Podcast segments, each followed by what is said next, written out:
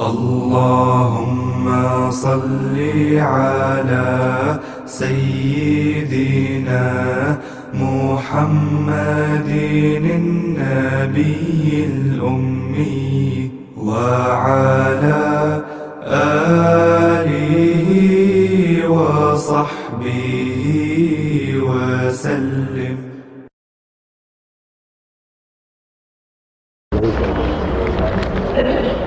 الله الرحمن الرحيم. والصلاة والسلام على سيدنا محمد وعلى آله وصحبه أجمعين.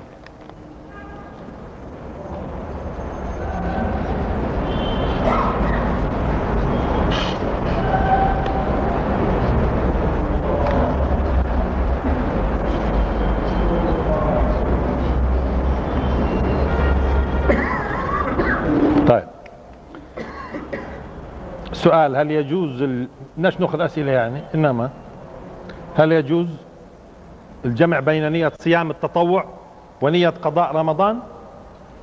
كيف؟ يعني كيف بده يجتمع نية صيام التطوع ونية صيام قضاء؟ آه. آه.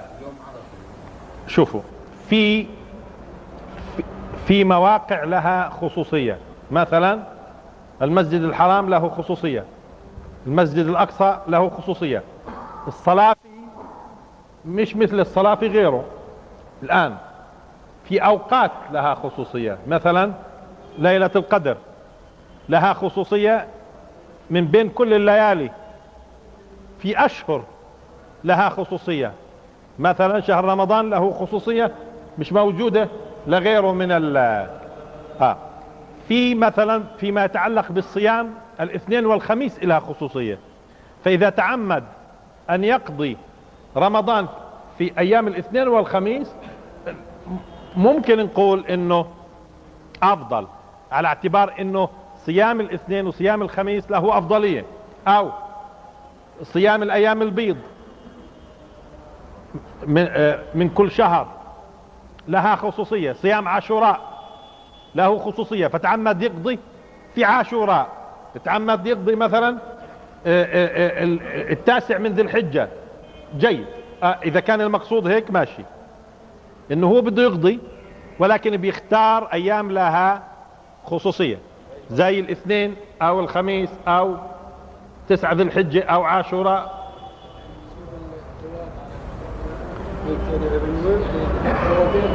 مش ثوابين بقدر ما إنه الثواب الثواب في المسجد الحرام ليس كغيره والثواب في رمضان مش مثل غيره والثواب في ليلة القدر مش مثل غيره والصيام في الاثنين والخميس مش مثل غيره. بعدين أخونا بيسأل إنه ليش ما فيش دروس تبين الأحاديث الضعيفة من الموضوعة من الأشياء اللي هي آه بين الناس؟ بعرفش إذا هذا مناسب مرات. للناس. بنشوف على أي حال في كتاب اسمه كشف الخفاء ومزيل الإلباس عما اشتهر من الأحاديث على ألسنة الناس. يعني الأحاديث المشتهرة على ألسنة الناس ببين فيها ما هو ضعيف ما هو صحيح ما هو حسن. كشف العجلوني كشف الخفاء ومزيل الإلباس عما اشتهر من الأحاديث على ألسنة الناس. فمثلا في اشتهر على ألسنة الناس. آآ آآ الكلام في المسجد يأكل الحسنات كما تأكل النار الحطب. هذا مش صحيح. مع إنه مشهور. مثلا حديث الطرق ولو دارت والبكر ولو بارت. هذا مثل أكثر منه حديث. مع إنه أحيانا ينسب إيش؟ حديث. على أي حال إذا بصير في المستقبل ممكن طيب. في لفت انتباهي في في الجريدة. إعلان بدي أعقب عليه على السريع. بسم الله الرحمن الرحيم. إعلان هذا. القناة الفضائية الإسلامية الأحمدية. أول شيء بادين إيش؟ بسم الله الرحمن الرحيم. القناة الفضائية الإسلامية الأحمدية. بث يومي متواصل ل 24 ساعة إلى جميع أنحاء العالم. ومتكلمين طويلا. فاللي ما عندوش خلفية عن الأحمدية بظن أنهم مسلمين. خصوصا لما يشوف بسم الله الرحمن الرحيم ويشوف إيش؟ القناة الفضائية الإسلامية الأحمدية. هذول على فكرة مش مسلمين فمشان تكونوا منتبهين. فطبعا من الخطورة بمكان أمثال هؤلاء يصير لهم فضائيات ناطقة بالعربية كمان وبغير العربية موجهة لبلاد المسلمين لأنهم فرقة ضالة عميلة. خرجت عن الإسلام مرتدة زيها زي البهائيين في هذا. يعني في القرن الت... أنا سبق شرحت حولها الأحمدية. لاحظوا البهائية والأحمدية في تركيز في منطقة حيفا إلهم. منطقة حيفا لذلك هون في في الإعلان حيفا. وحاطين رقم تلفون. لما يشوف الواحد بيقول ما شاء الله هاي صار بده يصير في فضائية إسلامية. لا السعر فضائية الكفر أحسن لأنه الكفر بيكون واضح آه مش ملتبس على الناس لكن هذا نوع من التلبيس على الناس. فهي إذا فرقة الأحمدية فرقة ضالة آه ارتدت عن الدين من القرن التاسع عشر ولا يجوز زواج من نساء يعني بيجوز لك الزواج من مسيحية مثلا لكن لا يجوز الزواج من أحمدية. يجوز لك الزواج من أو أكل لحم اللي بيذبحه اليهودي أو النصراني. ولكن لا يجوز الأكل من ذبيحة الأحمدي وكذلك الدرزي وكذلك البهائي. هذه الدروز والبهائية والعلوية اللي هي النصيرية والأحمدية والإسماعيلية هذه من الفرق اللي ارتدت وتعتبر منحرفة وكان ارتدادها له أسباب يعني واللي دعمها دول زي زي بريطانيا وغيره في زمانها. الآن مش وقتنا نبحث في الأحمدية بس حبيت أنبه على اعتبار إنهم متحدثين إيش؟ إنه في في قناة فضائية إسلامية وبسم الله الرحمن الرحيم. البهائية أقل خطورة ليش؟ لأنه بيقولوا لك إحنا جد... يعني مش مسلمين بمعنى الكلمة البهائية. بس هذول بيقول لك إحنا مسلمين. وإمامهم إمام الأحمدية قال هو المهدي المرتضر المهدي اللي الرسول صلى الله عليه وسلم بشر فيه. طب من كلهم يا جماعة ما هو مات؟ إمامكم مات؟ بدون ما ينزل المسيح ابن مريم زي ما هو مذكور ما هو المهدي بيكون مين؟ المهدي في زمنه في آخر زمانه مثلا بينزل المسيح في آخر زمانه بيكون في يأجوج ومأجوج. مش هيك وفي علامات كثيرة. طب هذا إمامهم ميت من زمان المهدي. هو المهدي منتظر ولا صار وراه ها؟ فلما ها؟ لا مش لليهود آه القاديانية أو الأحمدية نفس الشيء. القاديانية ظهرت في الهند في قاديان قبل ما يكون في شيء اسمه باكستان. لأنه باكستان ظهرت في 47 فالقاديانية ظهرت في قاديان في الهند في القرن التاسع عشر. والبهائية ظهرت في إيران في القرن التاسع عشر. هذول فرقتين مرتدات عن الإسلام. المهم قال إنه يعني إمامهم هو المهدي المنتظر. بتجيب كل الأحاديث.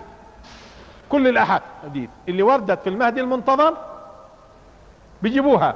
بصير يقولوا هاي ما حصلتش لأنه كذا وهذا الحديث ما حصلش لأنه كذا وهذا لأنه يعني بدهم المهدي مات والأحاديث على خلاف ما أوصاف الرجل بيحاولوا يقولوا قال كل صفة بصفتها وبيبشروا الناس إنهم هم أتباع المهدي. ماشي باختصار هذا.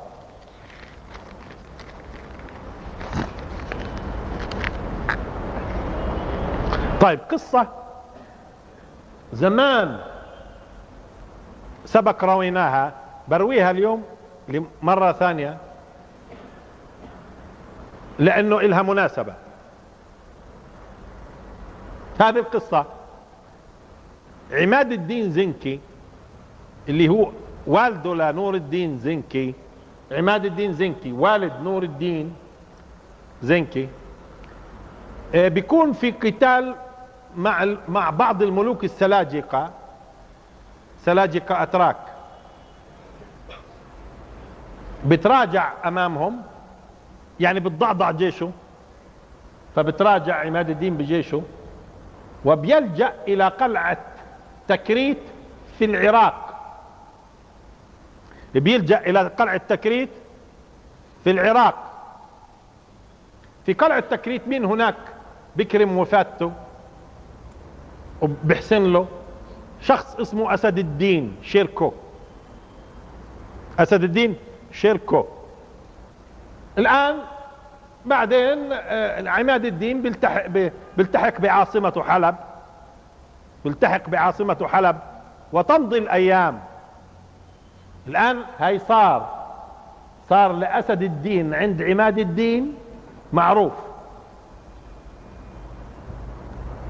اذا ليش جبنا عماد الدين؟ هاي عماد الدين في أسد الدين له عنده معروف. في يوم من الأيام إيش؟ حماة. في قلعة تكريت طيب مضت الأيام.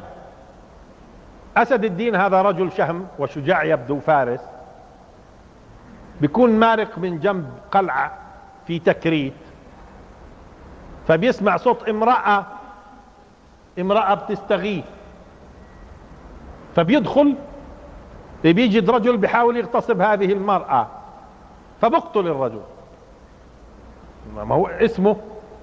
اسد الدين. فبيقتل الرجل الذي يحاول أن يغتصب هذه المرأة. شهامة. العادات والتقاليد بين الناس خصوصا إذا فيها بداوة شوي. إنه لازم يرحل هو وعشيرته القاتل. ففي اليوم اللي بدأوا فيه يرحلوا ولد لأخوه لأخو أسد الدين ولد له ولد في نفس اليوم اللي قاعدين بإيش؟ بضبضبوا غرضهم وبيرحلوا عن البلد فتشاءموا منه. تشاءموا من الولد الصغير اللي ولد الولد الصغير اللي ولد في اليوم نفسه اللي بيرحلوا فيه. شوفوا هالمناسبة محلاها وطل الطفل هذا حتى أن والده تشاءم منه. مولده في هذا اليوم. الآن أسد الدين هو وقبيلته وين بدهم يروحوا؟ فقالوا اذا نروح عند مين؟ عماد الدين في حلب راحوا عند عماد الدين. عماد الدين استقبل أسد الدين استقبال حافل وأسكنوا حلب وبعدين جعلوا قائد جيشه. بعد فترة بعد فترة نقلوا للشام لدمشق بعد ما صارت تابعة خصوصا بعد بعد ما توفي عماد الدين واجا ابن نور الدين انتقل أسد الدين لدمشق وأصبح قائد شرطتها إلى آخره. المهم أسد الدين صار قائد جيوش عماد الدين ومن بعده ابن نور الدين زنكي. أسد الدين كان هذا الطفل الصغير اللي ولد اللي ولد. في في اليوم نفسه صار يربى بجنب عمه صار يربى بجنب عمه وكل ما طلع عمه يطلع معاه. ها؟ وكل ما غزا عمه بلد يكون هو في الغزوات. هذا الولد هو صلاح الدين الأيوبي. هذا الولد مين؟ صلاح الدين. شفتوا لما الله يريد شيء؟ هذا صلاح الدين. هاي قصة صلاح الدين. يعني لو لم يحاول لو لم يحامل ذاك الرجل اغتصاب المرأة كانت حررت القدس؟ لو لم يحاول اغتصاب المرأة ذاك الرجل كانت حررت القدس؟ حدث صغير بس. شفتوا مصغره زي الولد الصغير اللي ولد في نفس اليوم. ها؟ ودارت الأيام. وحرر صلاح الدين. والتاريخ قبل صلاح الدين والتاريخ بعد صلاح الدين. بدل بدل على إنه لو لم يأتي هذا الرجل ما تحرر. والتاريخ قبل صلاح الدين. وبعد صلاح الدين بدل على إنه قبله وبعده نفس الشيء. وهو الشيء الفريد اللي جاء. فلما أراد الله أن تتحرر القدس ها في أحداث كيف بتسلك وكيف القدر بيكون لا أحد يدري. سؤال لو لم يحاول كلينتون الاعتداء على مونيكا بصير الاتفاق الأخير؟ ها؟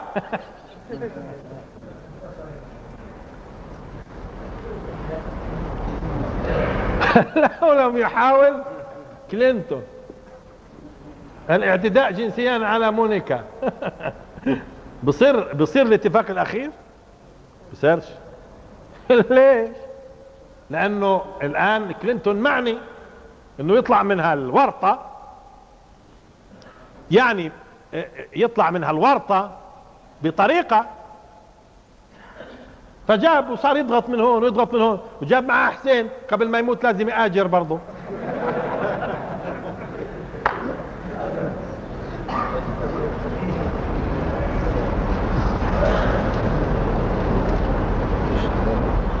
وبيجوز تكتشفوا إنه اللي رح يحرر فلسطين ويحرر القدس حادثة مونيكا.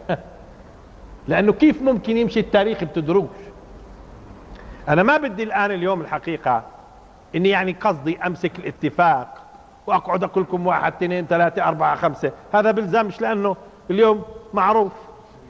هذه المسائل صارت معروفة ودور أمريكا وغير أمريكا وضغوط من هون ومش ضغوط من هون وين المصلحة وشو بنستفيد هون وشو بنستفيد هون.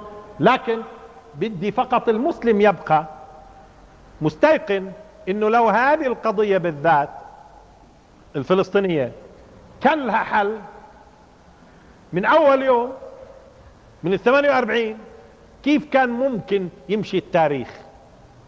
هل في بعض الناس بيقول لو وافقنا على قرار التقسيم. ما هو لو وافقنا على قرار التقسيم اللي ما كان يمكن الموافقة عليه مثلا. شو كان؟ شو كان وضع إسرائيل الآن؟ في احتمال كان إسرائيل الآن عبارة عن دولة من الفرات إلى النيل. كان ممكن تكون صارت دولة من الفرات إلى النيل. إذا كان من اول من أول أيام عقدت الأردن مع إسرائيل سلام بيضغط الملك حسين على مجلس النواب من أجل أن يوافق على قانون ووافق مجلس النواب الخائن على قانون يجيز لاسرائيل لليهود أن يتملكوا أراضي في الأردن. طب حريص حسين اليهود يتملكوا أراضي في الأردن ليش؟ طب ما في دول كثير بينها سلام وما بتتملكش عند بعضها البعض. ليش مشان المشكلة تتفاقم وتتوسع أكثر. ولو كان رابين لا يزال حي كان معظم دشاديش الإمارات وغيره هالقيت بتشوفوها في البلاد هاي رايحة جاي وإسرائيل تخترق هناك. بعد ما نكون مشكلة هون من بكرة بنصير مشكلة في الأردن لما يشتروا آلاف مئات الألوف وملايين الدنومات ها؟ وبعدين يصيروا يقولوا أرضنا. بعد ما كانت المشكلة السرطان هون بتوزع غاد كمان. وتصير بكرة المشكلة في السعودية وفي العراق وفي وفي. فلذلك بالعكس هذا السرطان محاصر له خمسين سنة ومحاصرته كان فيها مصلحة. لما بدنا نفتح عنه هذا السرطان شو راح يصير؟ ما حد بدري. إذا كان على أمريكا وبتجسسوا إذا على أمريكا اللي بتدعمهم وبتجسسوا ها؟ وقصة بولارد ومش بولارد. شو هو بولارد ما بتجسس على أمريكا. ها فلذلك أقول إذا بدنا ننظر نحلل إيش الاتفاق بفيد ما بفيدش هذه قضية. أنا شخصيا ما عدتش كثير مقتنع لأني عارف إنه الإشي اللي بيكونش على أسس سليمة من أول يوم مش مؤهل يعيش وهذا اللي من داخلي أنا حابه. أنا حابب حل هزيل جدا. غير قابل إنه يعيش غير قابل إنه يستمر. لأنه بقاء اليهود في هذه البلاد غلط وخطر. ولازم يزولوا من هنا. لذلك لا بأس إنها تكون آه اتفاقيات هزيلة. وحتى على القليل الناس اللي هم مسلمين يقدروا يفهموا الناس. لو كان الحل بشرف أو الحلول بتشرف كيف بدك تحكي مع الناس؟ شو تقول لها؟ شو تقول للناس في في إندونيسيا؟ شو تقول لن... أنتم بتحسبوا قضية فلسطين يعني هون وبس؟ لو الحل مشرف شو تقول للناس في تركيا؟ شو تقول للناس في إندونيسيا؟ الشعوب. شو تقول للناس في الأردن؟ في مصر في السودان في غيره. أما لا خلي الجميع يشوف إنه ما فيش إشي وما فيش حل. حتى الناس تبدأ تفكر بحل. وتكون جادة تفكر بحل. وكما قلت مستقبل يعني أكثر من محاضرة إحنا ركزنا على هذه القضايا وبينا لكم حيثيات كثيرة جدا. هذا ما يستحق الآن التعقيب على موضوع الاتفاق. مش كثير أنا قلقان حقيقة حقيقة؟ وجيد جيد. خلي الناس تصحى.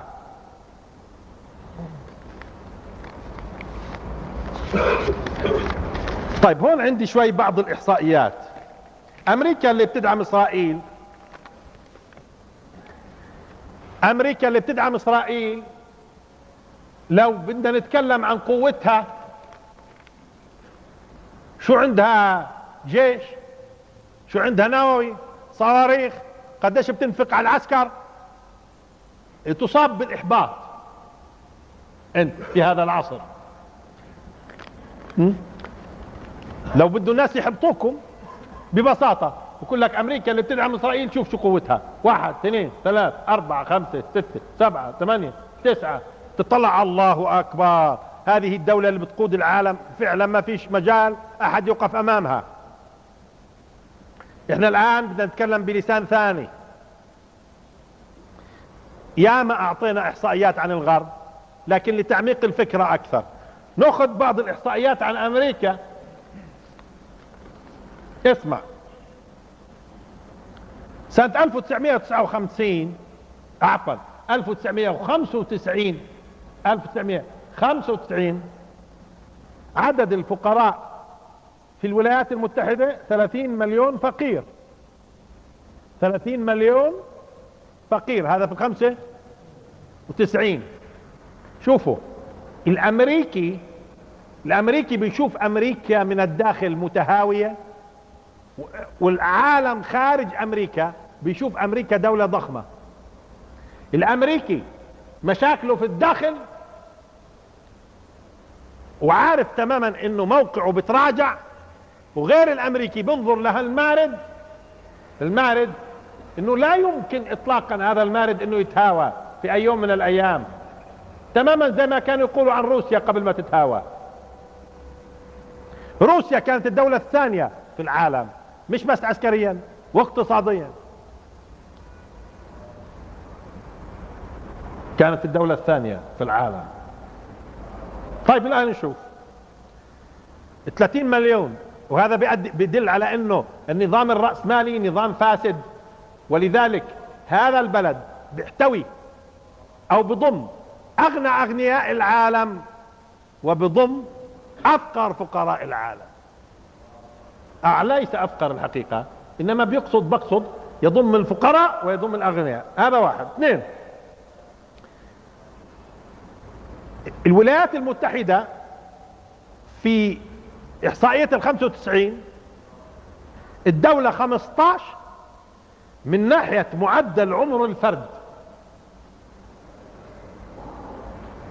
قبل 15 سنة الولايات المتحدة كانت من حيث معدل عمر الفرد كانت الدولة الأولى. آه خليني أوضح لكم إيش بقصد اليوم يلاحظ إنه أنا لما باخذ معدل العمر في الدولة شيك؟ الشعب كله من من من اللي بنولده أول يوم للي بيعيش مية. المعدل لوحظ إنه الدول الأكثر تقدم أكثر رفاهية؟ ها؟ طبعا نتيجة تطور الصحة مثلا. لما يتطور الصحة عندي أطفال قليل بموتوا ممكن شوي. نتيجة التطور الصحي برضو الاختيار يعمر أكثر شوي. نقدر ندزه شوية طبعا في ناس هون مش ممكن يدخلوا له موضوع القضاء والقدر. هذا موضوع ثاني. سبق صححنا الفهم في المسألة وجدوا إنه كل ما كانت الدولة أكثر رفاهية أكثر تقدم المعدل العمر الفرد بيكون أعلى شيء. واضح اليوم لما بتدرس أنت الولايات المتحدة قبل 15 سنة كان معدل عمر الفرد أعلى معدل. هي الدولة الأولى في أعلى معدل. بعد 15 سنة يعني لحد سنة 1000 بقصد 15 من الإحصائية إحصائية 1995 أصبحت أمريكا الدولة 15 بعد ما كانت الدولة الأولى يعني أعلى عمر في أمريكا صارت الآن الدولة قديش؟ 15 طيب هذا أمر. شوف هذه مؤشرات معناته صار في تغير في الدولة طيب نشوف.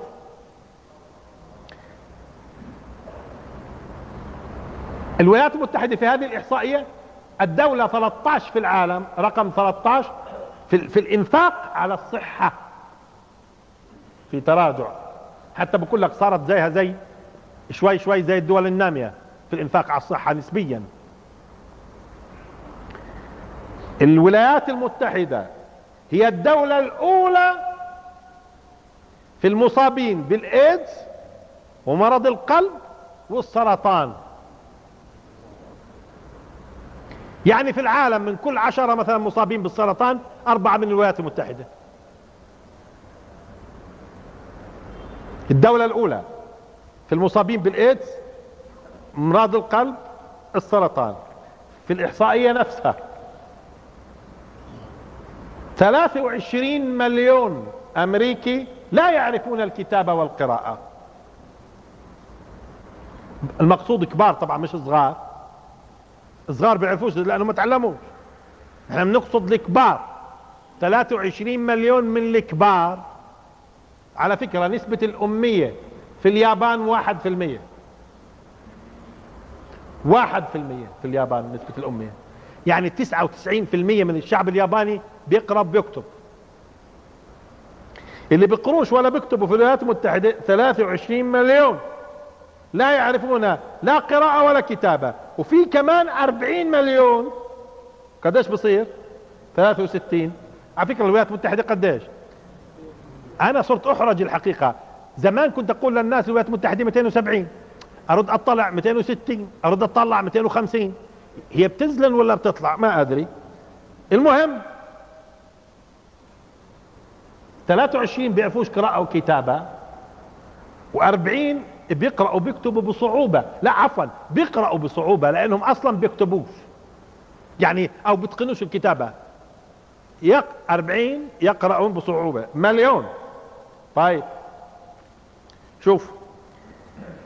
آه من حيث الإنفاق على التعليم تراجعت الولايات المتحدة إلى الدولة 17 في العالم من حيث الإنفاق على التعليم. وبالتالي بقول لك التعليم الآن في الولايات المتحدة لا يساعدها على المنافسة في القرن القادم. تراجعت من حيث الإنفاق على التعليم إلى الدولة 17 بين دول العالم وهذا المستوى الموجودين فيه الآن لا يساعدهم على المنافسة في القرن القادم. طيب الولايات المتحدة هي الدولة رقم 29 من حيث عد نسبة العلماء والفنيين والمهندسين إلى إجمالي السكان. من حيث لاحظوا هي الدولة رقم 29 في العالم. شوف في يوم من الأيام كانت الولايات المتحدة دائما الأولى الأولى الأولى الأولى الأولى. لكن الآن أنا بعطيكم الآن ترتيبها في إحصائيات 95 الولايات المتحدة هي الدولة 29 من حيث إيش؟ إجمال عدد العلماء والفنيين والمهندسين بالنسبة لعدد السكان. في تقريبا النسبة بتخرج بطريقة محددة. فمثلا على مستوى الفنيين والعلماء والمهندسين بشكل عام في اليابان من كل ألف في 317 مهندسين أو مهندس أو عالم أو فني. من كل ألف قديش؟ 317 في اليابان في الولايات المتحدة من كل ألف خمسة وخمسين. في الولايات المتحدة من كل ألف خمسة وخمسين. في اليابان من كل ألف تلتمية وسبعة أما إذا بدكم تأخذوا قديش في علماء بس في اليابان مش علماء مهندسين فنيين. قديش في علماء في اليابان؟ في اليابان في 16 ضعف المعدل الأمريكي. العلماء في اليابان 16 ضعف العدد المعدل الأمريكي. يعني المعدل الأمريكي ضرب 16 مع إنه عدد سكان الولايات المتحدة أكثر من ضعف عدد سكان اليابان إلا أنه عدد العلماء في اليابان 16 ضعف لعدد العلماء معدل عدد العلماء في الولايات المتحدة. طيب نشوف. الدولة الأولى في العالم في استهلاك الكحول والمسكرات الولايات المتحدة. الدولة الأولى من حيث إدمان المخدرات الولايات المتحدة. من إجمالي المخدرات اللي تستخدم في العالم كله الشعب الأمريكي بيستخدم 80% من إجمالي المخدرات اللي بيستخدموها العالم الشعب الأمريكي بيستخدم 80% من المخدرات. 60% من الشباب الأمريكي بيستخدموا المخدرات لمرة أو أكثر. بين اللي بيستخدم المخدرات بشكل إدمان أو بيستخدم المخدرات أحيانا بيكون المجمل 60% من الشعب الأمريكي. طيب نأخذ. ديروا بالكم. ما هو هذا المقصود إيش؟ كل هذا علامات تهاوي. هذا المارد اللي بظنون الناس اليوم إنه بإمكانه يتحكم في العالم. خلال خمس ست سنوات بس تغير في العالم إشي كثير. لقدام خمس ست سنوات مش راح تشوفوا صورة الولايات المتحدة. هي الصورة اللي عليها اليوم. وبعد عشرة غير عنه. بعد خمسة. لأن المؤشر كله بيعطي قاعد. بلد بتراجع تتقدم الدول وهو بيرجع هي البلد الأول الآن. في إيش؟ طيب نشوف. الدولة الأولى اللي بيعيش فيها الأسر أسر أحادية يعني أب وأطفاله بدون أم. أم وأطفالها بدون أب الدولة الأولى في العالم الولايات المتحدة. طب نشوف. سنة 1991 عدد المساجين في الولايات المتحدة ثلاثة مليون ثلاث ملايين. سجين في الولايات المتحدة. شو عملوا يا حرام؟ ولو بدها تسجن. لو بدها تسجن الولايات المتحدة كل من أجرم؟ بتلاقيش محل؟ يعني كثير من الجرائم والأشياء بتخالف القانون. طنش طنش طنش طنش طنش. طنش طنش طنش طنش. هاتوا طنش طنش هاتوا ها؟ وثلاث ملايين. ثلاث ملايين. طيب. 85% من الشعب الأمريكي يحمل السلاح السلاح دفاعا عن النفس. 85% من من الشعب الأمريكي بيحملوا السلاح من أجل الدفاع عن النفس. طب نشوف. الدولة الأولى من حيث حالات الاغتيال اغتيال الأشخاص قتل. الآن القتل عن طريق الاغتيال. سنة ال 93 كان في 22 ألف حالة اغتيال في الولايات المتحدة. في الثلاثة وتسعين في سنة واحدة اثنين وعشرين ألف. كل ربع ساعة في الثلاثة سنة ثلاثة وتسعين كل ربع ساعة كان يتم اغتيال شخص. نحكيش عن اللي بموتوا بحوادث الطرق. نحكيش عن اللي بموتوا بحوادث الطرق. نحكيش عن اللي بموتوا بالمخدرات. نحكيش عن اللي بموتوا بالخمر. أو أو أو. لا لا. نقصد الاغتيال المتعمد. ها؟ 22 ألف حالة اغتيال في عام واحد اللي هو 93 بمعدل كل ربع ساعة في حالة اغتيال. طيب. 21% من كل نسوان الولايات المتحدة تم اغتصابهن. من كل 100 21 بفع عن أصابعهن. لما تقول مين اللي تم اغتصابها؟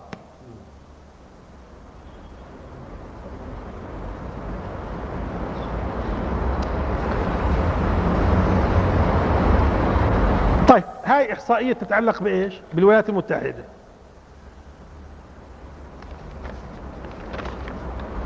إحصائية تتعلق بالولايات المتحدة.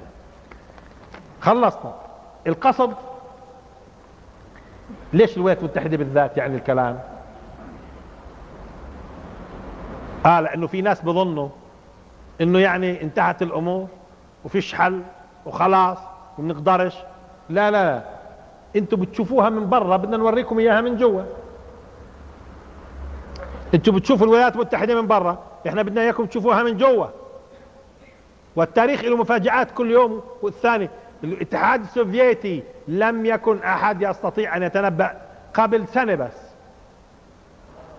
أو سنتين من انهياره إنه ممكن ينهار. تدريج. لكن هذه الإحصائيات تعطيك صورة. وين ماشي الأمور؟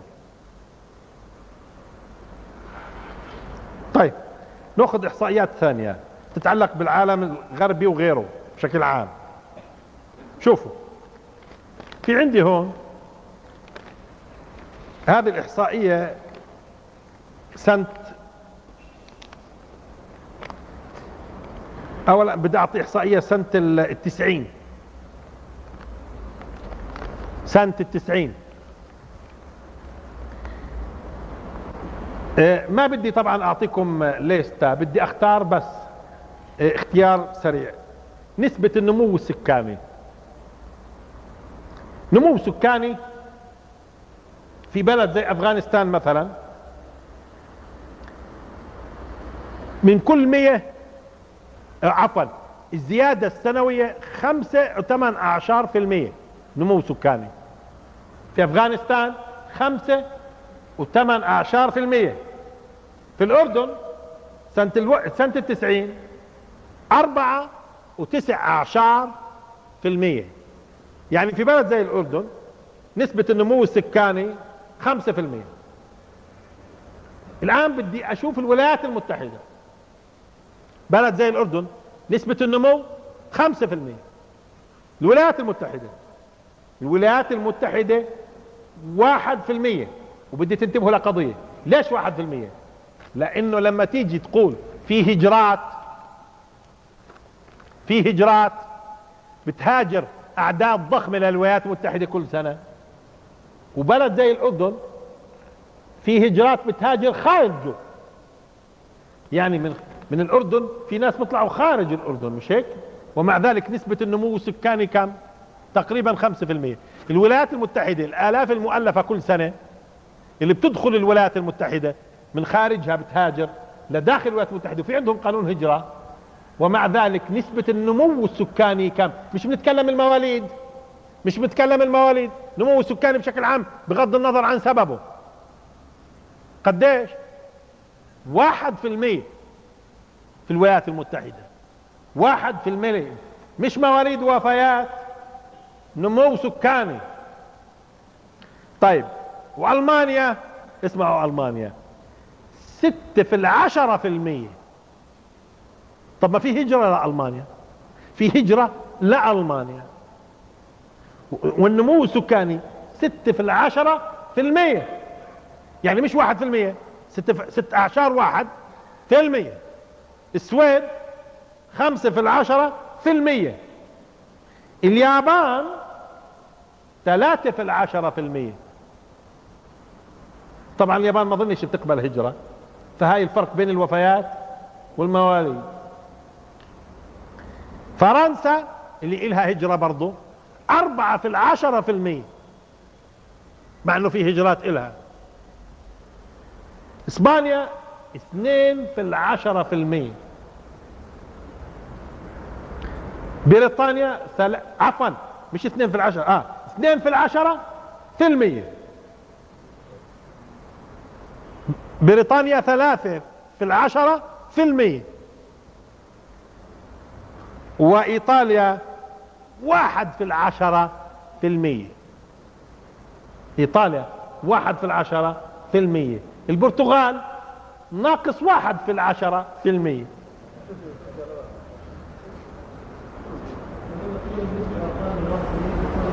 على عدد سكان. إحنا بنتكلم عن النمو السكاني بشكل عام. واحد في العشرة معناته هون فيش زيادة ولا نقصان. بعدين بصير يتراجع. نعم هناك عدة بلاد نسبة الوفيات من فيها أكبر من المواليد. طب الآن كيف بدهم على فكرة؟ كيف بدهم يحلوا المشكلة؟ إذا بدهم يحلوا المشكلة لابد أن يغيروا في فكر الأمة ويعلموا النسوان تعليم جديد. ويجيبوا طاقم شؤون المرأة من عندنا يروح يعلمهم. ويقول لهم كيف لازم يشتغلوا. ها؟ ويقول لهم كيف لازم يشتغلوا مشان يعدلوا من هالمصير. ها؟ طيب ممتاز. خذوا إحصائية ثانية. بدناش النمو السكاني بدنا نعطيكم اللي أعمارهم. هاي على فكرة احصائيات ال 95 إحصائية ال 95 بدنا نعطيكم اللي أعمارهم من صفر من يوم ل 14 سنة. اللي أعمارهم من يوم ل 14 شو نسبتهم في المجتمع؟ اسمع. سوريا 47 وثلاث أعشار. اللي عمرهم من يوم ل 14 ل 14 أنتوا عارفين شو معنى هذا الكلام؟ 50% شباب. يعني من يوم ل 14 يعني المستقبل قادم. المستقبل قدام. اللي من صفر ل 14 في سوريا 47 وثلاث اعشار في المية. الأردن 43 وثلاث اعشار في المية. إيطاليا 15 في المية. شوفوا هالنزلة. أعطيتكم سوريا والأردن كمثال. طبعا في دول أعلى من سوريا والأردن في العالم العربي. بس أعطيناكم سوريا والأردن. سوريا من صفر من صفر ل 14 الأعمار 47 و13 سنة 95 معناته الزلزال قادم. 47 13 في المية. في الأردن 43 13 في المية. إيطاليا 15 في المية. ألمانيا 16 اليابان 16 و13 أمريكا 22 في المية. طب الآن نأخذ من 15 أو مش من 15 من صفر ل 41 لا ل 25 يعني من صفر ل 25 الآن. من صفر ل 25 هذا في ال 95 من يوم واحد ل 25 سنة. الأردن 64 وست أعشار. من عمرهم يوم ل 25 في إحصائية ال 95 في الأردن. 64 وست أعشار في المية. سوريا 67 وعشرين في المية. من واحد ل 25 طب نيجي للبلاد الغربية. الآن العمر من 15 من من عفوا من واحد لا ل 24 أو 25 أشوف 24 ولا 25 إيه؟ لا والله هي اثرتها من واحد ل 24 من واحد ل 24 شوف ألمانيا 11 وسبع اعشار عفوا 27 وسبع أعشار. يعني الباقي إيش؟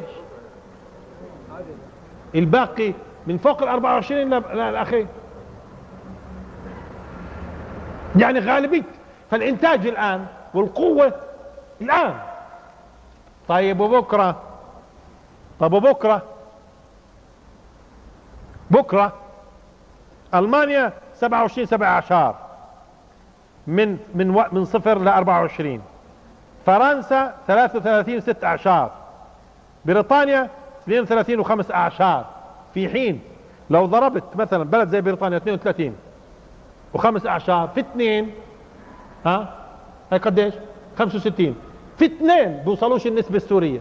67 وكذا اعشار يعني نسبة فرنسا نسبة فرنسا تضربها باثنين ها؟ توصلش نسبة سوريا. ولا الأردن. واضح؟ طب ناخذ الآن الاختيارية. ستين فما فوق. إحنا على فكرة أعمار أمتي بين الستين والسبعين. وعلى كل في ناس بيعيشوا 120 تخافوش. بيعيشوا. بس نتيجة إنه عندنا الصحة مش متطورة. ممكن يموت الأطفال عندنا. كثير منهم. ومع ذلك في أطفال كثير عندنا إذا بتلاحظوا. في عندنا أطفال كثير. عندهم بموت أطفال أقل وأطفالهم قليل. شفتوا نسبة الأطفال عندنا؟ من صفر ل 14 طب خذوا الآن اللي فوق الستين. خذوا اللي فوق الستين. الأردن اللي فوق الستين فما فوق أربعة واربع اعشار في المية. شوفوا هالنزلة. أربعة واربع اعشار بالمية. سوريا أربعة واربع اعشار في المية. بريطانيا عشرين وعشرين في المية. اللي فوق الستين. يعني يكاد من صفر ل 14 شوي بالله. في بريطانيا قديش من صفر ل 14 أو في ألمانيا؟ مش هيك؟ ألمانيا مثلا 16 إيطاليا 15 طب بدي أشوف والله ألمانيا مثلا في في الاختيارية قديش. افهموا. إيطاليا شوفوا. إيطاليا من 60 فما فوق. آه؟ ونشوف من صفر ل 15 شوف من صفر ل 14 في إيطاليا 15% إنما من 60 فما فوق في إيطاليا 21 و18% كمان مرة. الصغار من صفر ل 14 في إيطاليا قديش؟ 15% طب من 60 فما فوق 21 و18% في بلاد العربية زي ما أنتم لاحظتوا على فكرة في ثلاثة في لحظة ثلاثة في المية. نسبة الستين فما فوق. في اثنين في المية من ستين فما فوق. في بلاد عربية. في واحد وعشر في المية. اللي فوق الستين اشي عجيب وكله في عالم الأطفال. شباب. جيل الشاب. إيش المستقبل معناته؟ هناك. إيش المستقبل هون؟ الأكثرية عندهم الآن الأكثرية مركزة الآن العاملة الآن. الأكثرية العاملة عندهم في المصانع والخبراء وكذا الآن الأكثرية اللي بعد 10 20 سنة بتكون صفت وين؟ في مرحلة الاختيارية. طب والشباب والرافد؟ الروافد اللي بدها ترفد المجتمع الآن. ليش؟ لاحظوا الآن. إذا من 60 فما فوق برد أكرر الأردن 4 و14% سوريا 4 14% بريطانيا 20 و20 في المية. إيطاليا 21 والثمان أعشار في المية. هاي إحصائية. هذه الإحصائيات ممكن تأشر لك. شو يعني ممكن يكون المستقبل؟ وليش منطقة الشرق الأوسط ترعبهم؟ هم بيعرفوا العلم بتطور والناس تتطور وشعوب الشرق الأوسط متطورة. إحنا في زماننا في زماننا مش مبين علينا اختيارية يعني. ها؟ كان اللي يتخرج سادس ابتدائي يصير مدير مدرسة. اليوم اللي بتخرج سنتين دبلوم بيقبلوهوش موظف آه، مدرس. تتصوروش إن هالمجتمعات يعني موقفة عند ابدا. في تطور شئت أم ابيته كل في إعمارنا أقول لك في حدود وعي بوعى لما كانش في توجيهي في البلاد. بوعى لما ما كانش في توجيهي في البلاد. بوعى لما كانوا يقولوا بقدم مترك. ها؟ ولما كان المدرس زي ما قلنا عفوا وابن سادس ابتدائي يصير مدير مدرسة. ها؟ هذا في حدود وعينا نحن. أنتوا تتصوروا يعني المجتمعات العربية والإسلامية بتضلها محلها؟ أنتوا تتصوروا إنسان بيزداد وعيه ما بيختلفش أداؤه بيزداد وعيه بيختلفش أداؤه مستحيل. قانون الحياة مستحيل. بصير في وعي بيختلف الأداء. بيختلف الأداء. لذلك هم لما بيراقبوا شو بصير عندهم وشو بصير عندنا بيرتجفوا. يخلفوا. هاي بقول نعم. طب يخلفوا. آه وقتها بدهم يغيروا كل شيء.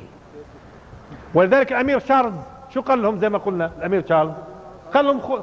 بحلش مشاكلكم من الإسلام فثاروا ضده. قالوا الله أكبر ما قالوش الله أكبر هم يعني. ها آه.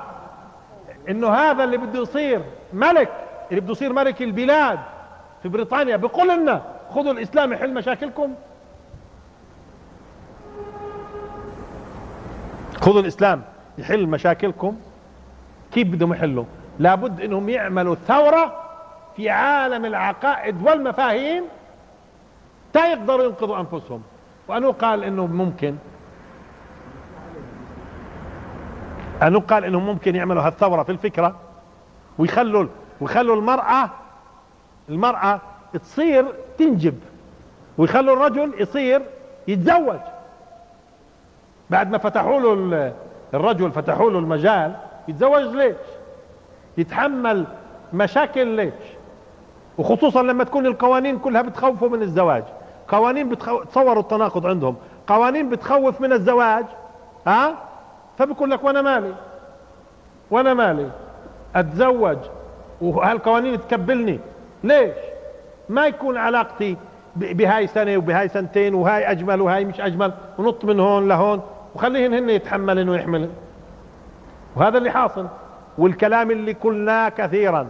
60% من النساء اللي عندهن أولاد في بريطانيا ما فيش أزواج. هذا كلام كررناه على مسامعكم كثير. طب كيف ممكن نغير؟ ثورة فكرية. إيمان جديد. عقيدة جديدة. تنهم يبدأوا الناس يسلكوا غير هيك. غير هيك ما فيش. وهذا الكلام حتى يفهموا الناس اللي بيحاولوا انهم ينقضوا على عقيدة الأمة اليوم في بلادنا هون ينقضوا على عقيدة الأمة ويفسدوا الرجال ويفسدوا النساء باسم إنه بدهم يطورونا.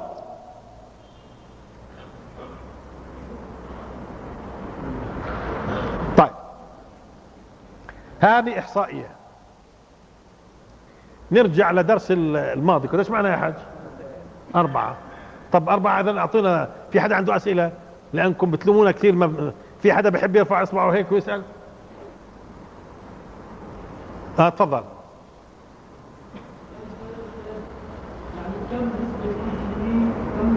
نسبة المسلمين؟ على كل مع إني ما فهمتش سؤالك. هو المسلمين مليار و200 مليون في الكرة الأرضية. اللي هي الآن أكثر من مليارين وست مليارات البشرية الآن ست, مليار ست مليارات. ال ال آه، المسلمين في حدود مليار و200 مليون. مليار و200 مليون الخمس تقريبا خمس السكان البشري. ولكن لاحظ المليار و200 مليون درجة تجذر العقيدة في نفوسهم مش زي أي أمة ثانية. على أي حال سبق سبق بذكر أعطيتكم إحصائية سنة ما هو الدرس هذا على فكرة ماشي من بداية الثمانينات. كان في إحصائية من سنة الخ... من سنة الثلاثين أو 37 تقريبا 36 37 زائد 50 سنة. 87 كان في إحصائية في مجلة غربية. قديش ناس في خلال نصف قرن من الثلاثينات للثمانينات. إذا بتذكر طبعا الآن هي الكلام زمان هذا. قديش نسبة زيادة الأديان في العالم. فقالوا اليهودية ناقص 14% لأنه خلال الثلاثينات بعدين أجت مذابح هتلر وغيره. ناقص وفي أشياء ثانية من ضمنها إنه اليهود قاعدين بنخرطوا في الأمم الثانية بذوبوا بذوبوا. اليهودية بتتزوج مسيحي واليهودي بيتزوج مسيحية ومن هون ومن هون فاليهود خلال خمسين سنة من الثلاثينات للثمانينات تقريبا ناقص 14% زيادتهم. المسيحية زائد 14% لفت انتباهي في في بعض الأديان في جنوب شرق آسيا زي الشنتية الشنتية وفي البوذية وغيره في آه إشي 114% وأكثر شيء في العالم كله 223% لما بيجي الإسلام عفوا مش عفوا أكثر شيء 123 أظن الشنتيه بسموها الشنتيه اذا المسيحية 14% زيادة خلال 50 سنة. آه اليهودية ناقص 14 الشنتوية أو غيرها زائد 123 في المية. الإسلام 235 في المية هذه كانت في Newsweek كانت في مجلة الإحصائية في Newsweek وقتها في الثمانينات. الإسلام 235 في المية المسيحية 14 في المية اليهود ناقص 14 في المية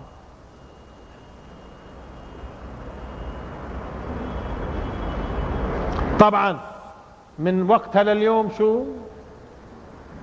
بجوز الإحصائيات هاي أعطتكم آه فكرة. نعم. غيره؟ تفضل.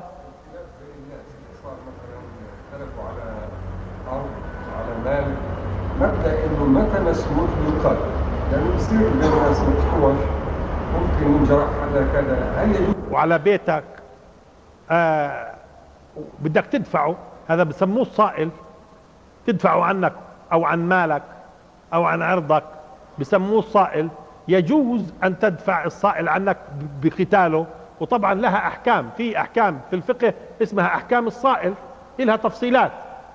لكن إذا اختلفت أنت وإنسان على أحقية في الأرض أو في المال ما بيجوز القتال. اذا أنت تقاتل من يريد أن يعتدي على أرضك أو على مالك أو على عرضك أو على نفسك. فتدفعه وهذا بسموه قتال الصائل وهو جائز ويقدر الضرورة بقدرها. أما مش معنى قتال الصائل إن اختلفت أنت وياه لمن الأرض؟ لا وقتها ما يجوز أن تقاتله لمجرد اختلاف بينك وبينه إنه لمن الأرض. وقتها بتصير المحكمة اللي بتبت.